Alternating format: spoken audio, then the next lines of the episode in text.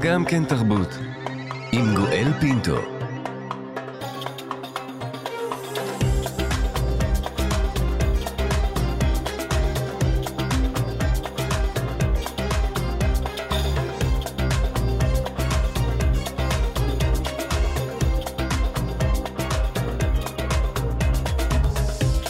שלום, שלום לכולכם, אה, אנחנו כאן, גם כן תרבות, מגזין התרבות של ישראל, בשבוע ה-11 למלחמת שבעה באוקטובר. מנסים להשיג נחמה, להתאחד, להרגיש יחד בימים הקשים שעוטפים את כולנו. יותר מ-1,400 ישראלים, אזרחים וחיילים נרצחו, כ-240 נחטפו לעזה ואלפים נפצעו. אנחנו כאן, כאן תרבות. ישראל במלחמה, חטופים ישראלים בעזה, מאות הרוגים במתקפת חמאס על ישראל, ובכל יום נוספים שמות חללים נוספים לרשימה. הכאב, הצער לא מועיל, ותיאוריות הקונספירציה מתחילות להתנחל בראשי רבים מהציבור הישראלי. מחקר חדש שנעשה בסוף השבוע מגלה לנו נתונים שומטי לסת.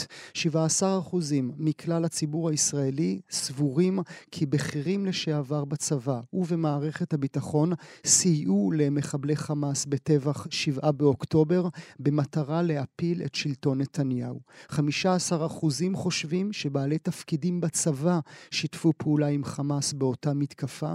14% חושבים שהמתקפה בכלל תוכננה על ידי בכירים בצבא, שוב כדי להביא להדחת נתניהו. 22% חושבים שראשי המחאה החברתית סייעו לחמאס. 20% חושבים שאהוד ברק לקח חלק במתקפה עצמה. של חמאס על ישראל. הנתונים מחרידים, וכשמוסיפים לכך את הנתון שמגלה כי בכל אחת מהשאלות יש גם ציבור של כ-20% שמשיב לשאלות בתשובה לא יודע, אנחנו מבינים שכמעט 40% מכלל הציבור הישראלי נע במחוזות הקונספירציה, או לפחות לא שולל אותה. המחקר נעשה עבור מכון טרומן באוניברסיטה העברית על ידי נמרוד ניר, פסיכולוג פוליטי באוניברסיטה העברית, נמרוד זלדין מהאוניברסיטה העברית ואסה שפירא, ראש המסלול לשיווק בחוג לתקשורת באוניברסיטת תל אביב, שנמצא איתנו הבוקר. אסא, שלום לך. בוקר טוב. תודה רבה שאתה נמצא איתנו הבוקר. מעניין אותי לדעת, עוד רגע נדבר על הנתונים, אבל מעניין אותי לדעת דווקא חוקר כמוך, עד כמה הלסת שלך נפלה כשהבנת שאלה הנתונים שמונחים לפניך. אה, היא נפלה, ואני חושב שממש נבהלנו כשראינו את הנתונים והבנו את גודל האסון.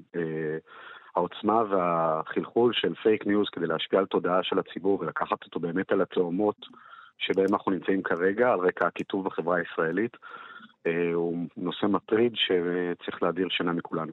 אבל אתה אומר קיטוב החברה, אבל סיפרו לנו שזה עבר, לא? אמרו לנו חודשיים של ביחדנס, של תפירת כומתות, של, אה, של, אה, של, של, של, של עבודה בכפר, של עזרה הדדית, שינתה את כל מרקם החברה הישראלית. אז אני חושב שלצד האמירות האלה שנאמרות, ואני חושב שהן מאוד יפות, בסוף המספרים מגלים אה, מתחת לפני השטח שהאדמה בוערת בחברה הישראלית, הכיתוב החברתי עלה מאז אירוע 7 באוקטובר, בעיקר בגלל שכל צד אה, מאשים את הצד השני במחדל שהוליד את האירועים הנוראים שבהם אנחנו נמצאים. אתה אומר כל צד, וזה חשוב אה, לומר את הדברים האלה, כי הנתונים שאתם מעלים מלמדים אותנו גם על סוג של קונספירציות הקיימות מצד שמאל של, הח... של החברה הישראלית, של האמונות הפוליטיות בחברה הישראלית, אבל אני בכל זאת מוצא בהם איזשהו שינוי, כי בשעה שמצד שמאל יש אנשים שמאמינים שנתניהו העלים עין בצורה מכוונת, מכוונת מאזהרות גורמי הביטחון, כדי שזה יסיט את הקשב מהמשפט שלו המתקיים ומהרפורמה ויחזק אותו פוליטית, זה עדיין לא נתניהו השתתף במתקפת חמאס. כן, אני חושב שכשניסחנו את זה, ניסחנו את זה, הכוונה הייתה כדי להוביל למלחמה שתסיט את הקשב. זאת אומרת, האמירה שבדקנו אותה הייתה האם בעצם בהעלמת העין הוא יצליח בעצם לעורר איזשהו אירוע מלחמתי שייצר אה, הסתה של הדיון הציבורי, ולכך 20% מהציבור הישראלי מסכים.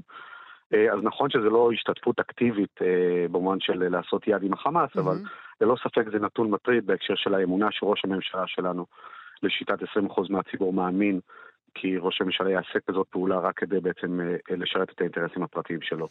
אני חושב אבל ש... כי דיברנו על קיטוב, אני רוצה שתבינו כאילו את הנתון הגדול, 60% ממצביעי הקואליציה בבחירות האחרונות מאמינים שהצד השני הפוליטי, התנהלותו פוגעת בביטחון המדינה, וזה נכון לשני הצדדים.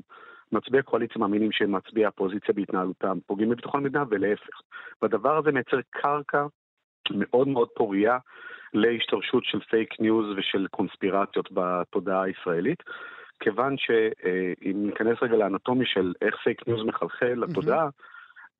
בגדול, מעבר למימד האלגוריתמי של פייסבוק, שהוא דוחף אלינו מידע שהוא מעורר רגש ואמוציה, ובאופן טבעי אנחנו רואים אותו בפיד יותר מאשר מידעים שהם פחות מעניינים, הנקודה המשמעותית החשובה היא להבין את האפקט הפסיכולוגי שנקרא confirmation bias, או אפקט האישוש. אנשים מחפשים מידע שמאשש את תפיסת עולמם הקיימת, הם לא רוצים לערער על תפיסת עולמם. אני רוצה חברים שדומים לי, לא, לא כאלה שיאתגרו אותי, כן. בדיוק, ומידע שמאשש את מה שאני כבר בלאו הכי חושב. ולכן כשהם נתקלים בפייק ניוז בפיד שלהם, שמחזק את תפיסת עולמם כי אכן אה, אה, אה, הצד השני של המפה הפוליטית פוגע בביטחון המדינה, אם זה באופן אקטיבי, כמו שנאמר, אם זה אהוד ברק, אם זה כוח, צריך להגיד שהכל פייק, כן? רק נגיד את זה ברדיו. ברור. אהוד ברק, וקסנר, או כוח קפלן, כל אחד מהם בצורה זו או אחרת עשה פעולות אקטיביות כדי בעצם להחליש את המדינה. מבחינתם זה מאשש את תפיסתם העקרונית. אה, אה, שהצד השני פוגע בביטחון המדינה, mm-hmm. ולכן הם לא צורכים את המידע באופן ביקורתי. וזאת הבעיה הכי גדולה בפייק ניוז, שאתה רוצה ללמד את הציבור להיות ביקורתי כלפיו, אבל mm-hmm. הבעיה הפסיכולוגית, כשאנשים רואים מידע שמאשש את תפיסת עולמם, הביקורת נעלמת, והם פשוט מקבלים mm-hmm. את זה כעוד מידע שמחזק את מה שהם חושבים. אבל אתה חוזר... ולכן הקיטוב החברתי ממש הוא קרקע פורייה. לחלחול של mm. אותם אה, קונספירציות בתודעה שלנו. אבל אתה חוזר ומשתמש במילים פייק ניוז. האם אין מרחק בין פייק ניוז לקונספירציות? פייק ניוז הוא אמירה יותר רחבה שעוסקת בחדשות שאין להן בסיס של אמת. אני חושב ש... אבל בין זה ש... לבין לבנות אצל עצמך תילי תילים של סיפורים על פיצריה באמריקה שיש בה התנהלות פדופילית, המרחק נורא גדול. אני חושב שפשוט צריך לעשות פה הבחנה בין המחולל לבין התוצר. המחולל הם פייק ניוז, בסוף ידיעות למיניהן פרוזאיות שמייצרות תחושה של אה, אה, כך שיש איזשהו צד אה, ומעורבות אה, אה, מצד גורמים שונים בעצם באירועי ה... אה, אה, 7 באוקטובר, mm-hmm, mm-hmm. שנתמכים בכל מיני מידעים. פתאום רואים תמונה של אהוד ברק, אם אתם זוכרים, בשדה התעופה, הנה הוא בורח, כן. כי עלו עליו שזה בכלל תמונה שאלוהים יודע מתי צולמה ואיפה. אז. בדיוק, זה הפייקים, זה המחוללים. הם בונים בתודעה הציבורית את אותה תפיסת אה, עולם קונספירטיבית סביב מה שאירע. לכן החלחול של אותם פייק ניוזים בעצם ברשתות ובסוף בתודעה, mm. יש בו כדי לקבע בתודעה שלנו את ה... אה, אמונה בקונספירציה. אני רוצה שנדבר ברשותך אה, אה, אודות המחקר. אה, כ-1,400 משיבים יהודים בני 18 ומעלה ענו על הסקר שלכם, ממנו נולד המחקר הזה.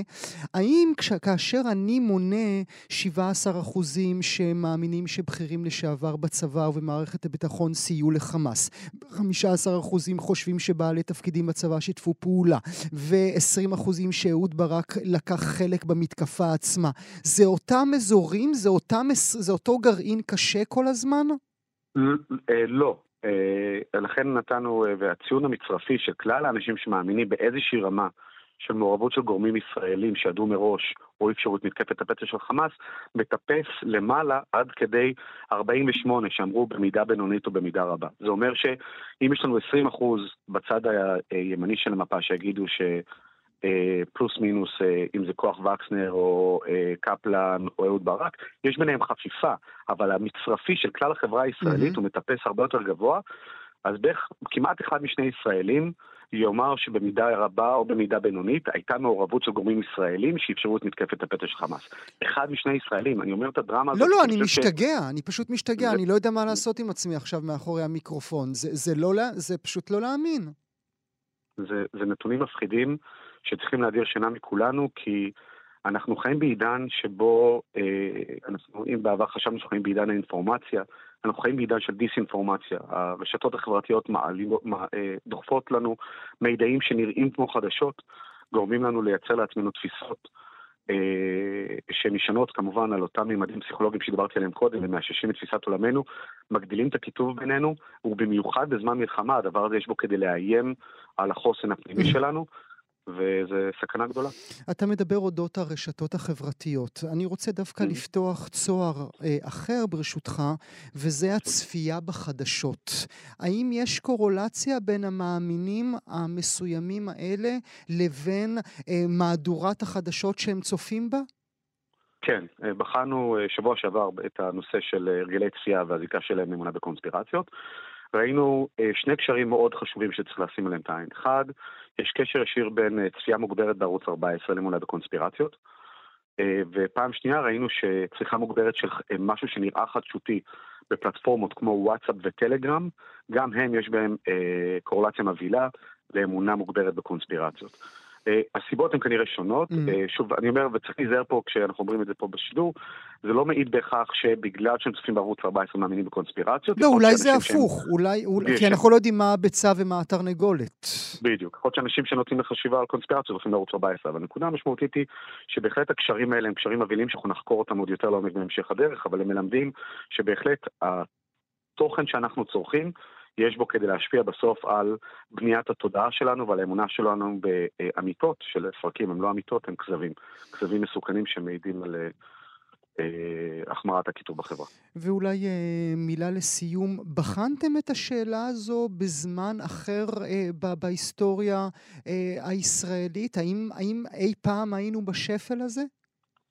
אז את נושא הכיתוב בחנו לפני אה, אירוע 7 באוקטובר, ופה הנתון, הנתון המבהיל, כי אם הסתכלנו על תקופת המחאה ותקופת המחאה כנגד הרפורמה המשפטית כתקופה שבה הרגשנו שהמדינה מתמוטטת, אז אה, אני אומר, ואומר את זה בצער, על רקע כל הטענות, כי אנחנו חיים פה באיזה קומביה וביחד מאז המלחמה, mm-hmm. המציאות היא הפוכה. הכיתוב החברתי עלה מאז אה, פרוץ המלחמה, בגלל שכל צד מאשים את הצד השני באירועי ה-7 באוקטובר. ולכן אם כולנו מאמינים, או היינו רוצים להאמין שאנחנו התאחדנו, המציאות לצערי היא שונה לגמרי. אתה אומר קומביה, אני אוסיף אה, ממני מין לה לה לנד שכזה, ונזכיר שוב, מאזינות ומאזינים, כי אלה נתונים שצריך אה, אה, לחוקק, אה, לזכור תמיד. 17 אחוזים מכלל הציבור הישראלי סבורים כי בכירים לשעבר בצבא ובמערכת הביטחון סייעו לחמאס בטבח אה, 7 באוקטובר.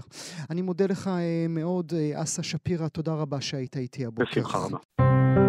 אנחנו כאן. כאן תרבות.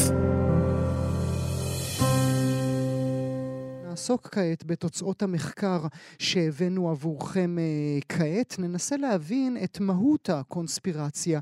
האם מדובר בדבר מודרני יחסית, ומה ה-DNA של המאמינים בתיאוריות שכאלה. נברך לשלום את העיתונאי, איש הספרות וחוקר שמועות וקונספירציה, יובל פלוטקין. שלום יובל. בוקר טוב, גואל. תודה רבה שאתה נמצא איתנו הבוקר. עד כמה אתה מופתע מהנתונים שפרסנו כעת בפני המאזינות והמאזינים? כמו שאמרתם, הם אכן מזעזעים, אבל בעיניי לאו דווקא מפתיעים. אמ, אנחנו יכולים לראות אמ, שלכל אורך ההיסטוריה יש אמ, קונספירציות ברגע שקורה איזשהו אסון.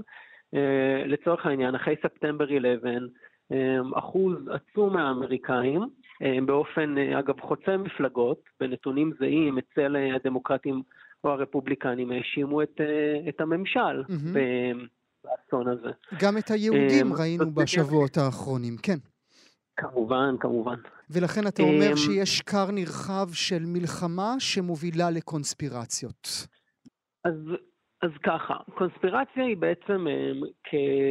כסוגה, אם נדבר עליה ככה, אה, דרך הזווית הזאת, היא סוגה עתיקת יומין. אמ, אנחנו יכולים להגיד שבעבר היא הופנתה בעיקר אה, כלפי אה, מיעוטים, mm-hmm. לצורך העניין יהודים, אמ, ועם הזמן אמ, הפוקוס השתנה ועכשיו היא מתמקדת באליטות בשלטון, שוב יהודים, הפעם בהקשר אחר. כן. ומהבחינה הזאת, אמ, אוקיי, אני, אני אגיד ככה, קונספירציה היא איזושהי הנחה, תיאוריית קונספירציה, שיש איזשהו כוח עלום זדוני, שהוא בעצם זה שמנחה את המציאות שלנו, שהוא mm-hmm. זה ש, שבוחש ושולט במה שקורה. ברגעים של מתח, של אי ודאות, של אימה, קונספירציות משגשגות. Mm-hmm. והרגעים האלה יכולים להיות מלחמות, הם יכולים להיות מגפות. Mm-hmm. אני חושב שבשיחה הקודמת הקורונה לא ממש הוזכרה, mm-hmm. הקורונה הייתה מחולל עצום של קונספירציות. אני לפני כמה ימים ראיתי בבני, בבני ברק גרפיטי, שקורא אה, לעונש מוות לשותפי הונאת הקורונה. Mm-hmm. כן, כמעט שכחנו מזה, כמעט שכחנו מזה. הסיבה היא, הסיבה היא, יובל, כי אנחנו נמצאים במצב נפשי קשה, כי קשה אה, אה, להיאבק באי הידיעה, קשה להיות חסר אונים, ולכן אני צריך דמון גדול. קשה לתפוס את העובדה, בואו נדבר על, ה, על המקרה הספציפי שבתוכו אנחנו חיים. קשה לתפוס את העובדה שמדינת ישראל וצה"ל לא אה, היו מסוגלים להגן על האזרחים. Mm, איפה הייתם שמונה שעות למען השם? וגם אנחנו שואלות ושואלים את עצמנו את זה. בדיוק, ומהבחינה הזאת אני חושב שיותר קל לאנשים להאמין שבצה"ל אה, או בממשלה ידעו ולא עשו כלום, מאשר לתפוס את זה שהם לא ידעו. יש פה אפילו מין אה, הערכת יתר בכוח. וביכולת של השלטון באמת להגן עלינו. Mm-hmm. ומהבחינה הזאת אני גם רוצה להגיד שהרבה פעמים אה, אנשים שמפיצים קונספירציות מרגישים שהם עושים איזשהו מעשה אמיץ שחותר תחת הנרטיב המקובל. דעה לא פופולרית. כן. לא, הדבר, הדבר האמיץ הוא להסתכל למציאות בעיניים ולהגיד דברים כאלה קורים, אסונות קורים, אסונות מחרידים קורים. אין לנו שליטה מוחלטת על המציאות. אני רוצה רגע שנתמקד בטרמינולוגיה, אתה איש מילים. כן. מה ההבדל בין שמועות לתיאוריית קונספירציה? אז שמועות זה... שמוע... אתה בכל יום מספר כמה שמועות גואל. אני יודע את זה עליך, כי גם אני ככה, כי כולנו ככה. שמועה היא דבר יומיומי, היא... היא חלקיק של מידע שאנחנו לא בטוחים בו, ובכל זאת אנחנו אה, מפיצים אותו הלאה. שמועות יכולות להיות גם קשורות נניח לעולם הבידור. אמ-המ. שמעתי ש, אמ-המ. שג'סטין אה, טימברלייק מלכלך על בריטני. אה, ושמועה יכולה להיות גם, שמעתי שפתחו חומוס... אתה עתיק, כן. לא, לא, הם חזרו לכותרות. וזה גם יכול להיות, שמעתי שפתחו חומוסייה חדשה מתחת לבניין. אוקיי. זה סתם, זה בשביל הפאן, זה לא באמת. מי שמספר שמועה הוא לא יודע אם היא נכונה או לא נכונה, ובדרך כלל המסגור שלה אכן יהיה משהו כמו שמעתי ש. אמ, קונספירציה היא דבר כבר הרבה יותר מורכב. קונספירציה מציגה איזושהי משנה סדורה. אמ, אכן יש פה, אה, כפי שאמרתי, איזושהי מחשבה שיש איזשהו כוח ש, שברצוננו לחשוף אותו. אה, וקונספירציה גם תהיה מורכבת משורה של הוכחות, חבל שאפשר לעשות מרכאות ברדיו, mm-hmm. וההוכחות האלה הרבה פעמים יהיו מפוברקות לחלוטין, יש בדרך כלל איזושהי תערובת של עובדות נכונות ולא נכונות שעוזרת לקונספירציה mm-hmm. אמ, להיראות אמינה יותר. וכל הדברים האלה שמנית עד כאן, מאזינות ומאזינים, תוכלו בוודאי אה, להדביק לכל קונספירציה שאי פעם שמעתם בחיים שלכם. מיהודים משתמשים בדם גויים לאפיית מצות, עד האמריקנים ביימו את הנחיתה על הירח. זה הכל, זה הכל נכון סביב להתבונן על האנשים של מאחורי הקלעים. יש שם מישהו שמתפעל אותי. בדיוק. עכשיו, יש, אמ, אפשר, יש ספקטרום רחב מאוד של קונספירציות. אנשים נורא אוהבים אמ, לדבר על, לדוגמה, על קונספירציית אה, הארץ השטוחה. Mm.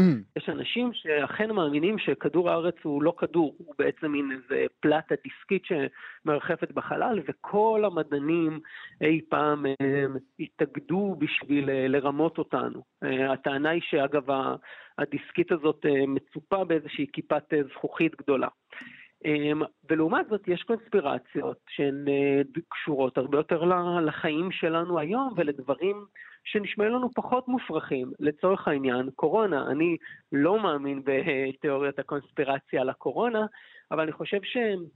אתה יודע, מאוד מפתה להגיד שאנשים שמתעניינים בקונספירציות או מפיצים אותן, הם מטורללים. Mm-hmm. עכשיו, אני כן, גם אני השתמשתי במילה הזאת, טרללת, כן. אני, אז אני מרשה לעצמי להגיד את זה בנוגע לנניח אה, תיאוריית הארץ השטוחה, mm-hmm. אוקיי? זה טרלול, תתרחקו, תתרחקו מעט מכדור הארץ ותראו שהוא עגול. Mm-hmm.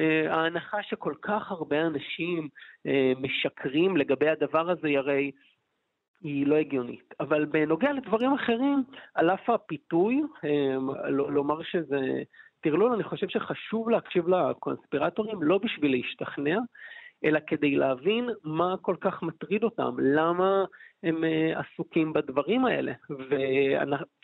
ופשוט לפתור את הדבר הזה כשמדובר באחוז כל כך גדול, אתה לא יכול כן. להגיד שחמישית מהציבור פשוט מטורף. כן. אז מה המשמעות של המילה מטורף? כן, וצריך uh, לזכור שהד, שהדברים האלה נוגעים גם בחיים עצמם. Uh, uh, אני מניח שחכמים ממני יאמרו שללא תיאוריית הקונספירציה אודות קיו-אנון, דונלד טראמפ לא היה עולה כלל לשלטון ולא היה הופך לנשיא ארצות הברית, כך שיש לדברים האלה אפקט למציאות עצמה. אני רוצה שנשאל, לא, עוד לפני שאני אשאל אותך, האם יש פרופיל למי, שמה, למי שמאמין בקונספירציות ומפיץ קונספירציות, אבל אני רוצה שתיתן לנו דוגמאות, מנינו דוגמאות מן העולם. אה, דוגמה שלמדתי ממך, מכתבה מצוינת שפרסמת בעיתון הארץ, אודות קונספירציה שסובבה אותנו בעת מלחמת ששת הימים. נכון, אז אני השתתפתי גם אגב במכון טרומן באוניברסיטה העברית במחקר, שבו הם, צללנו לעדויות שאספנו למעלה מ-100, אה, למעשה קרוב ל-200 רעיונות עם אה, יהודים, פלסטינים, נוצרים, מוסלמים, אה, על ששת הימים, מלחמת ששת הימים. בתוך הרעיונות האלה אפשר לראות עדים של קונספירציות שהם כבר בני 50 שנה. ומה שמעניין זה קודם כל, צריך להבין שנניח, כבר בשם המלחמה, מלחמת ששת הימים, זה איך שיהודים קוראים לה. Mm. אני דיברתי בעצמי עם אה, פלסטינים במזרח ירושלים, שאמר לי, זאת אה, לא ממש הייתה מלחמה, והיא לא נמשכה שישה ימים. אה, מבחינתו זו הייתה קנוניה ישראלית-אמריקאית שנמשכה משהו כמו יום-יומיים בלבד. Mm-hmm. למאזינים, אה, כנראה המאזינים הצעירים יותר, אה, שלא אה, בקיאים, מה שקרה במלחמת ששת הימים זה שמתקפת פתע של ישראל שיתקה את חיל האוויר המצרי, ובזה המלחמה בעצם mm-hmm. הוכרעה עוד לפני שהיא באמת התחילה, אחרי חודשים ארוכים שבהם מצרים התרברבה ביכולות mm-hmm, של. הצבא כן. שלה, ועם מה להשמיד את מדינת ישראל. כי גם זה, יובל, מתאים לדברים שאמרת קודם. אני לא יכול לעמוד מול המציאות שאכן חיל האוויר שלי נהרס כולו, אני חייב להמציא סיבות לכך. נכון. אז קונספירציה שחזרה אה, מספר פעמים, אה, גורסת שישראל וארצות הברית שילמו סכום כלשהו, בדרך כלל נוקבים בסכום מיליון דולר, שכבר מעיד על משהו, אתה יודע, מספר טיפולוגי כן. קוראים לזה, כן. אה, בספרות עממית. אה, זה מספר שילד היה ממציא, מיליון דולר. אה, אז ישראל וארצות הברית שילמו לרמטכ"ל צבא מצרים, עבד אל חכים עמר, בשביל שהוא ישאיר את המטוסים על הקרקע ככה שישראל תוכל להפציץ אותם. לא הרבה זמן אחרי פרוץ המלחמה אותו איש מת. יש דיווחים שונים בנוגע לנסיבות מותו, האם הוא אה, התאבד או נדחף להתאבד, אה, ומה שמשותף באמת לקונספירציות האלה ולקונספירציות שישראל, שהרבה ישראלים מפיצים היום, זה שאתה בצד המפסיד, או בצד, אני לא רוצה להגיד שאנחנו מפסידים במלחמה הזאת, mm-hmm. אבל בצד המותקף. בצד שהופתע, בצד המזועזע. זה הצד שצריך להמציא סיפורים. אולי אה, נסיים באמת עם השאלה ברשותך, מהו הפרופיל של מי שמפיץ קונספירציה? אז בעבר אה, חוקרים העלו את הסברה שמדובר באדם אה, משכיל פחות, מה שאומר שבאופן כללי מדובר, השכלה, אני ממש מדבר השכלה אקדמית, מדעית, מה שאומר שמדובר בדרך כלל במעמד אה, סוציו-אקונומי אה, נמוך יותר. אבל עכשיו אנחנו כבר רואים שזה לא ממש נכון. אה, מי שהפיצו את התיאוריות קונספירציה על הקורונה, לאו דווקא היו אנשים משולי החברה במובן הזה. אם מסתכלים על הזווית הפסיכולוגית, אז אפשר להגיד שבדרך כלל נהוג לתאר אותם כאנשים יותר בודדים שמחפשים איזושהי קהילה. צריך להגיד שקונספירציות נותנות לאנשים תחושה של קהילה, תחושה mm-hmm. של ביחד, כי הנה סוף סוף מישהו שמבין אותם. אני חושב שהיום אפילו זה לא ממש נכון, כי כולם יכולים ב- בלחיצת עכבר להפיץ קונספירציה, אבל לא צריך לשבת באיזשהו... מרתף אפל ושם לכתוב כן. בדיו את תיאוריית הקונספירציה שלך. ככה שאני חושש, ואני לא... שאנחנו לא, בצרות. לא, אני מניח להסכים איתי, שהתשובה היא כיום, כולם. כולם. כל אחד מועד לפורענות. כולם צריכים מאוד להיזהר ולהטיל ספק. לא רק להטיל ספק בנרטיב המקובל, אלא גם להטיל ספק בנרטיב החלופי. איש הספרות וחוקר שמועות וקונספירציה יובל פלוטקין, תודה שהיית איתי הבוקר. תודה גואל. אנחנו כאן. כאן תרבות. בשביל הנושא הבא אני צריך שתשמעו את הצלילים הבאים. ללא נשק, ללא כל הגנה, רק כוח מרפא. הצלילים היפים יפים האלה שאתם אה, שומעים כרגע הם אה, זו שנשארה. שיר חדש של גלעד שגב, סנונית ראשונה מאלבום עתידי שייקרא גיבורים ומוקדש כולו לגיבורי שבעה באוקטובר. זה למשל, זו שנשארה, מוקדש לזכרה של לירון ברדה שהשתתפה במסיבה בנובה ולמרות שהיא יכלה לברוח ולהציל את עצמה, נשארה לטפל בפצועים עד הרגע האחרון. ללא נשק, ללא כל הגנה. קטנה, רק כוח מרפא, כוח האהבה. גלעד שגב, שלום. שלום, שלום. תודה רבה שאתה נמצא איתנו. שברת לי את הלב גם בקול שלך, גם בלחן, גם בסיפור של הבחורה היפה הזאת. תודה, תודה על המילים, ואני יכול להגיד, אתה יודע, שאני חושב שמה שמשותף uh, לכל העם שלנו זה שלכולנו נשבר הלב, mm. מה זה נשבר, ואתה יודע, אחותי אמרה לי, אנחנו משפחה שכולה, אז uh, היא אמרה לי כשדברים קרו, כשהאירועים קרו, היא אמרה לי עכשיו כל ה... לצערנו כל העם ידע מה הרגשנו. אני חושב שהפכנו להיות עם שקול ביום הזה, mm-hmm. בהמון מובנים. אבל, אה, אבל מה שכן אני יכול להגיד, שמה שאני מרגיש זה שאם יש משהו שיכול לאחות לנו את הלב, בהמון מובנים זה הסיפורי גבורה באמת? הכל כך מדהימים וכל כך רבים האלה, שמצד אחד לוקחים אותנו לקצה של העצב, אבל מצד שני, יש בהם איזה משהו, אתה יודע, זה גם מה שאני אומר, הוא, מה שנקרא, חקרתי אותו לעומק. בגלל זה יש גיבורים בכל התרבויות בעולם, כי בעצם יש להם יכולת לרפא אותנו ולהציל אותנו גם אחרי לכתם. Mm. אקט הגבורה שלהם לא מסתיים בפעולה עצמה ובאנשים שניצלו בזכותה. אם אנחנו ממלאים את תפקידנו, וזה להדהד את סיפור הגבורה בדרך הכי טובה שאנחנו יכולים, אני חושב שאנחנו יכולים לייצר לעצמנו ולאנשים שאנחנו אוהבים הזדמנות נוספת להינצל מסיטואציות mm-hmm. עתידיות. אז זה אומר שאתה לא בעד אה, התעלמות מהמציאות, אתה בעד להתבונן בה נכוחה. אני, אתה יודע, אני חושב שזה נכון לגבי הכל, גם לגבי הדברים שלא נעימים לנו וגם לגבי טעויות שנעשו, אבל אני כן חושב שאנחנו נמצאים באיזשהו רגע של אה, להחליט על, על איזה צד אנחנו מסתכלים. יש פה סיפורים כל כך נוראים שקרו, וסיפורי קורבנות, ואנחנו גם, מה שנקרא, מראים אותם לעולם עם הסרט הזה של דובר צה"ל, ואני מבין שזה משרת איזשהו אינטרס, אבל מה שחשוב בסוף היום זה שאנחנו נשאר עם איזשהו נרטיב שמוביל אותנו, ואני חושב שאם נצלול לתוך הסיפורים הנוראים ביותר, אנחנו, יהיה לנו מאוד קשה לצאת. כן. ואם יש כי הם יישארו ש... צרובים בנו, נכון גלעד? כן, הם, הם כבר, הם כבר. גם בלי לראות איך, אותם, אתה כנראה צודק. אין לנו איך למחוק אותם, כן. אין לנו איך למחוק אותם, אבל העניין הוא שמהניסיון שלי ובדבר הזה, בחודשים האחרונים, שאני כל היום מתעסק רק עם הסיפורים האלה האינסופיים של הגבורה, שאגב, זה מאוד מאוד מייחד את העם שלנו. אני לא, אני, אני אדם שמסתובב בעולם, אני לא חושב, אני אפילו מדבר בביטחון על כזאת כמות של אנשים, כל כך הרבה סיפורי גבורה, ולא תגיד רק של אנשי צה"ל, אלא, אלא גם של, של פשוט אזרחים מכל השכבות. אני לא, כולם יודעים את הדברים האלה, אבל אני חושב שככל שאנחנו נתעמק בהם וככל שאנחנו נספר בהם, אנחנו בעצם באיזושהי צורה נצליח אה, לרפא משהו בנו. Mm. במידה רבה, התמה הזאת, הדברים שאתה אומר כעת, אה, גלעד, הם מאוד דומים לדברים שאמרה אצלנו השבוע בתוכנית, נדמה לי שזה היה ביום ראשון, אה, כן. הדסה, הדסה אה, בן ארי, אה, כן. שעושה את פרויקט מלחמה של גיבורים, גם היא מספרת לילדים או. סיפורים דרך הגיבורים. אני לא בטוח, גלעד, שאני מבין כן. את זה עד הסוף.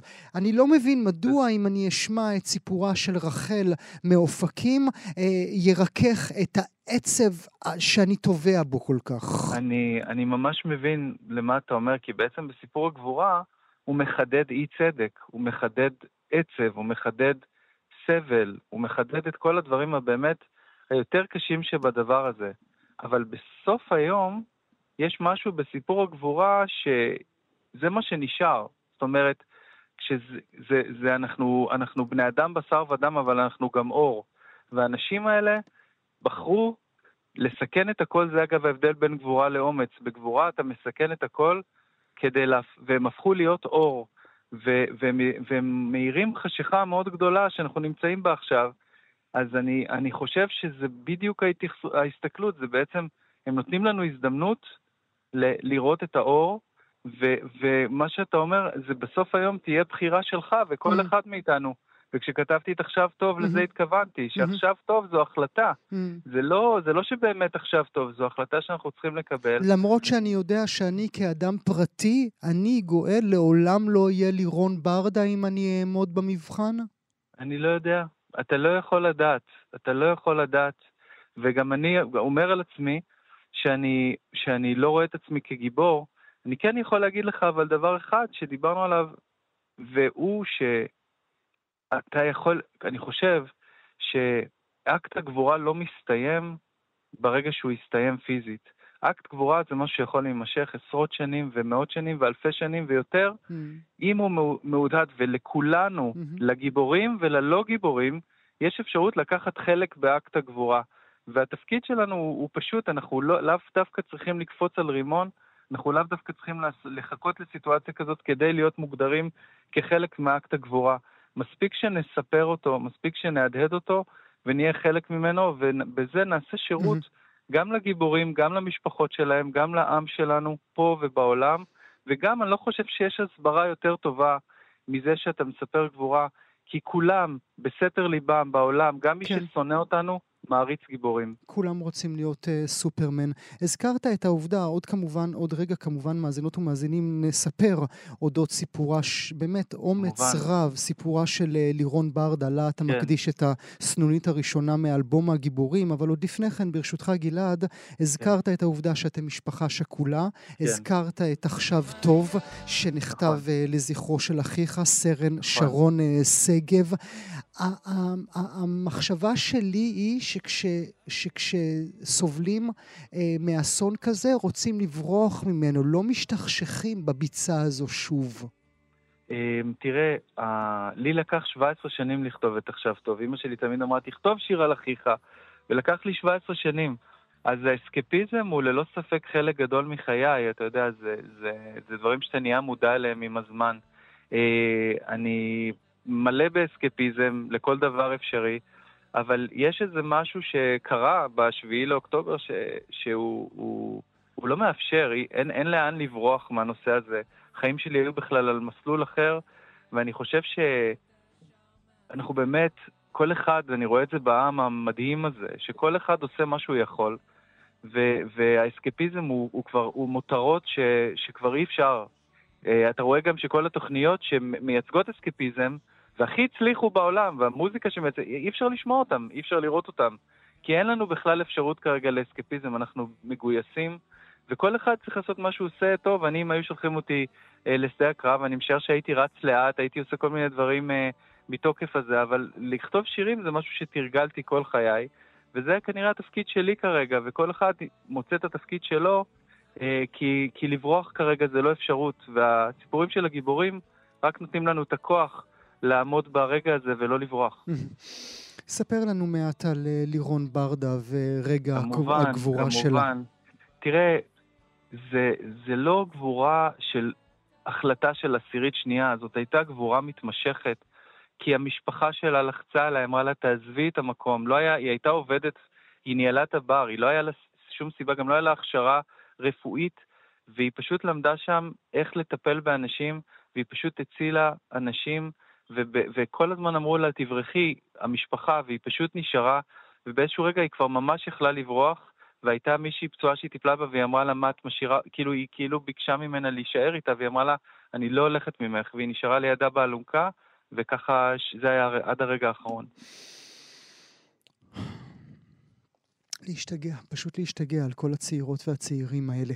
איך אתה בוחר, איך בחרת את הגיבורים שאת סיפורם תספר באלבום הזה?